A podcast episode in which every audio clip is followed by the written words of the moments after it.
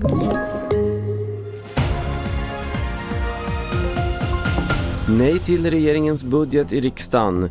Nu är det klart vilka som ska styra i Tyskland och maken erkänner mord på Beata Ratzman.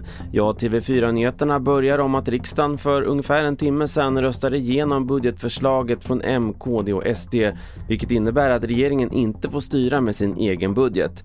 Det här eftersom Centern valde att inte släppa fram regeringsbudgeten, vilket väckte stark kritik från Miljöpartiet eftersom budgeten bland annat innehåller höjd bensinskatt. Så här säger Annie Lööf om den kritiken. Ja, men Miljöpartiet får ju ta sig samman. I morse blev de framröstade av en enig riksdagsgrupp för Centerpartiet att tillsammans med Socialdemokraterna bilda regering. Budgeten har ju alltid varit tydlig här under hösten att vi lägger vår egen budgetmotion och röstar på den så det kan inte vara chockerande för Miljöpartiet. I Tyskland är det nu klart att landet får en ny regering efter två månaders förhandlingar. Den så kallade trafikljuskoalitionen består av socialdemokratiska SPD, de gröna och marknadsliberala FD. Landet får därmed sin första socialdemokratledda regering på 16 år. Maken erkänner mord på 32-åriga Beata Ratzman som varit försvunnen sedan i september och som identifierades igår.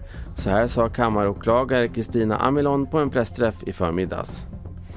Under gårdagen blev identifieringen av den avlidne klar och igår kväll så underrättades anhöriga om att kvinnan nu är identifierad.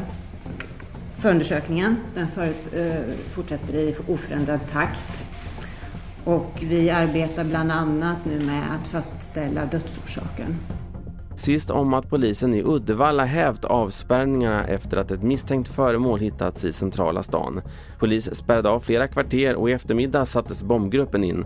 Det handlade om en misstänkt rörbomb som nu har avlägsnats från platsen. Fler nyheter i appen TV4 Nyheterna. Jag heter Carl-Oskar Alsen.